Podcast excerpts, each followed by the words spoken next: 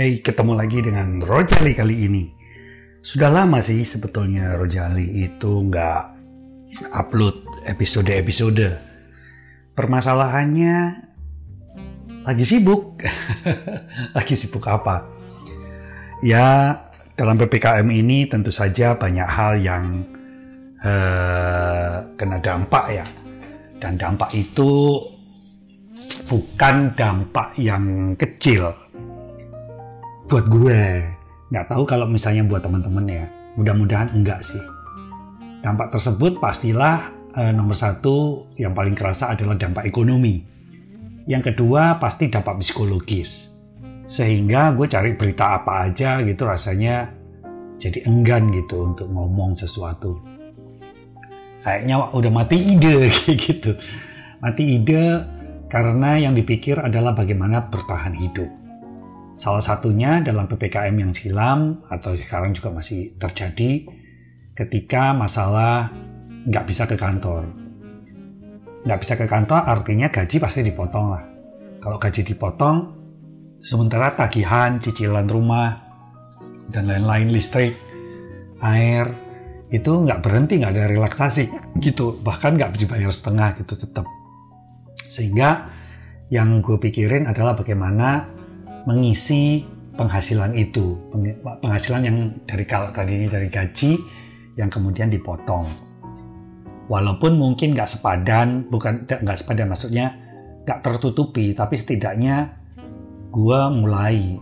Salah satunya setelah dari beberapa gue diajak kerjasama sama beberapa supplier toko online, gue kok jadi kepengen gitu ngerasain jualan toko online itu kayak gimana akhirnya gue mulai coba jualan di marketplace. Dan puji Tuhan satu minggu awal itu yang lihat nggak ada yang follow nggak ada yang beli juga nggak ada. Sehingga akhirnya gue coba belajar dari YouTube dan banyak eh, episode-episode mengenai toko online itu yang menarik. Dan gue pelajari dan gue ikuti gitu aja karena gue nol banget ya. Dan di minggu berikutnya ternyata mulai ada yang follow mulai ada yang lihat barang dan mulai ada pembelian. Satu minggu kosong satu minggu kemudian udah mulai banyak ketika gue menerapkan uh, apa yang diajari secara gratis ya. Bukan yang berbayar soalnya banyak banget di YouTube itu ngomong oh ya tiga hari buka toko omset sekian membludak gitu. Jadi tapi ujung-ujungnya berbayar gitu. Sehingga gue ya enggak lah gitu. Terserah alasannya apa aja uh, untuk mengikuti training atau kursus jualan online berbayar itu bener atau enggak gue nggak no comment ya. Tapi buat gue masih bisa kok uh, dicari orang mau cari duit nggak buang duit gitu memang penting sih pembelajaran itu. Itu harus gue akui. Cuman masalah pengeluaran ini kan nggak setiap orang miskin kayak gue gitu. Kalian kan kaya kaya gitu. Dan di minggu berikutnya kemudian terjadilah pergerakan pergerakan yang positif dari jualan online itu. Nah terlepas dari itu apa yang ingin gue sampaikan pada episode ini yaitu ketika WhatsApp kantor jadi teror. Artinya gini, sudahlah gaji gue dipotong gitu kan. Masuk itu juga nggak penuh gitu. Tapi tugas itu ternyata penuh gitu. Hampir tiap hari WhatsApp itu nggak putus gitu. Sehingga hal ini yang menyebabkan gue uh, punya celetukan gitu ketika WhatsApp kantor jadi teror. Artinya, nah kalau gue lagi di rumah, lagi nggak ke kantor, terus gue lagi kerja, dibayar juga kagak gitu ya kira-kira. Tapi gue ini gue mau berhenti dari kantor itu. Tentu saja ini kan akan berpengaruh terhadap bagaimana nantinya kalau misalnya keadaan sudah memulih dan membaik kembali. Entah kapan gitu ya. Nah itu yang akhirnya gue pikir bahwa gue yakin nggak cuman gue gitu yang nganggap bahwa WhatsApp kantor itu jadi teror. Pasti banyak dari teman-teman yang muak juga dengan kantor gitu. Tentu saja kita bangga apabila kita digunakan kemampuan kita di kantor dan berguna gitu ya. bukan berguna doang sih dibayar gitu ya kira-kira nah itu jadi muak gitu akhirnya kan bekerja bukan hanya dedikasi gitu tetapi masalah kompetensi atau kemampuan gitu dan pasti ada ujungnya juga masalah ekonomi pastinya gitu uh, eh, gue nggak mau sok idealis gitu Idealis itu menjadi landasan dari ketika gue melakukan kegiatan-kegiatan taktis dari kehidupan gue. Itulah gitu. Jadi ketika dengan beban yang ada, dengan tagihan-tagihan yang ada, kewajiban-kewajiban yang ada, sementara sumber penghasilan diputus, tetapi tugas-tugas itu tetap berkelanjutan kayak normal gitu, maka ada sesuatu yang pastinya nggak nggak sesuai gitu. Dan ini mengakibatkan gue antara kesel, mikir, stres juga gitu ya. Dan mengakibatkan terhambatnya beberapa episode-episode yang lalu. Tapi terlepas juga dari alasan gue apa gitu ya. Berkarya produktif pasti penting pada saat ini gitu. Terbukti dengan banyaknya Eh, kelompok-kelompok atau individu-individu yang berkarya produktif secara digital juga mampu meraih sukses. Tadinya gue menyalahkan bahwa kegiatan gue kan padat banget untuk kantor, sehingga gue nggak bisa mikirin yang lain. Kalau dikatakan mikirin yang lain juga, buktinya gue masih bisa jualan online gitu, walaupun baru gitu.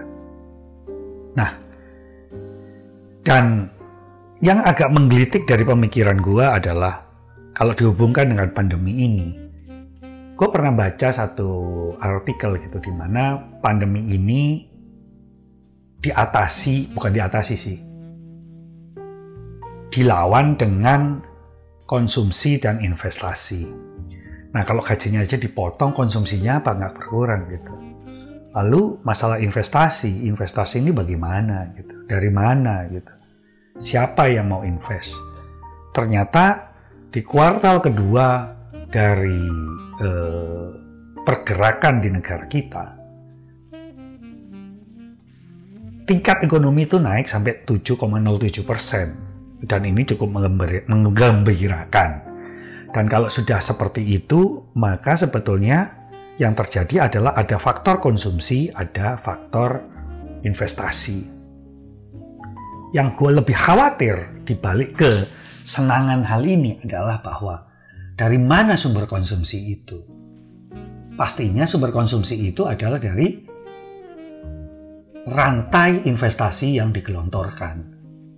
Mungkin oleh bank sentral atau biasanya disebut uh, quantitative ease atau juga investor-investor yang memudahkan suplai uang untuk masyarakat di mana masyarakat masih bisa mengkonsumsi dan menggerakkan roda perekonomian sehingga naik sampai 7,07 persen. Ini yang bisa jadi kalau tidak dilaksanakan secara sistematis dan terukur, maka akan menjadi bahaya sekali. Secara kasar, banyak berita orang bunuh diri karena pinjol. Jangan-jangan investasi ini adalah si investor-investor pinjol itu. Sementara yang konsumsi adalah debitur dari debitur pinjol itu. Nah, tetapi terlepas dari itu jangan dipercaya lah gue itu cuma pemikiran liar gue aja gitu. Tetapi yang paling penting adalah bahwa bagaimana kita mensikapi apa yang terjadi ini. Gak seorang pun bisa memastikan kapan sih berhentinya pandemi itu. Kapan sih menghentikan virus itu? Toh flu dari zaman dulu sampai sekarang juga masih ada gitu. Tinggal bagaimana cara hidup dengan virus itu. Ditambah lagi dengan anehnya atau timbulnya anomali-anomali di mana ketika pandemi terjadi, ketika sumber penghasilan ini mulai berkurang, sangat berkurang malah. Tapi konsumsi ini menjadi tinggi. Harga-harga nggak turun loh, harga-harga juga naik loh. Harga pangan terutama, bisa jadi harga sandang dan terutama adalah harga-harga barang-barang sekunder. Ini naik banget. Tetapi masih ada yang beli gitu. Salah satu strategi yang menurut gue cerdas juga adalah ketika relaksasi PPNBM atau PPN ya. Di mana penjualan mobil ini meningkat sangat-sangat drastis lebih dari 100%. Eh, nggak tahu persentasenya berapa, gue nggak tahu. Gue jadi ingat ketika Warren Buffett mengatakan bahwa di tengah pandemi ada industri-industri yang bergerak naik. Salah satunya adalah otomotif tadi. Sebabnya kenapa gue nggak baca lebih dalam lagi, tapi itu terjadi juga di Indonesia. Apakah strategi yang digunakan adalah strategi dari Amerika itu atau dari mana gue nggak tahu ya. Tapi yang jelas adalah yang bisa kita baca pergerakan ekonomi di kuartal kedua naik sampai 7,07 persen. Ada hal yang lain misalnya tingkat konsumsi naik 3 persen sekian gitu, nggak sampai 5 persen gitu. Tetapi pertanyaannya yang mengganggu pikiran gue sampai sekarang adalah dari mana sumber konsumsi itu? Mungkin bisa dijawab adalah daripada dari investasi yang digelontorkan oleh para investor itu. Bentuknya apa? Ini gue masih belum tahu gitu. Karena informasi-informasi itu berupa teori yang prakteknya gue juga nggak bisa baca apa bentuknya apa faktor-faktor investor itu menyampaikan kepada masyarakat melalui mata rantainya. Well, tapi yang penting adalah bahwa kita harus menyadari bahwa pandemi ini tidak berhenti demikian saja. Kita juga harus bersiap-siap. Siap-siap apa? Siap-siap menderita. Udah dua tahun menderita. gitu ya. Tapi nggak apa-apa lah. Yang penting adalah tetap kuat, tetap semangat, tetap punya keyakinan. Sampai di sini dulu. Salam Rejali.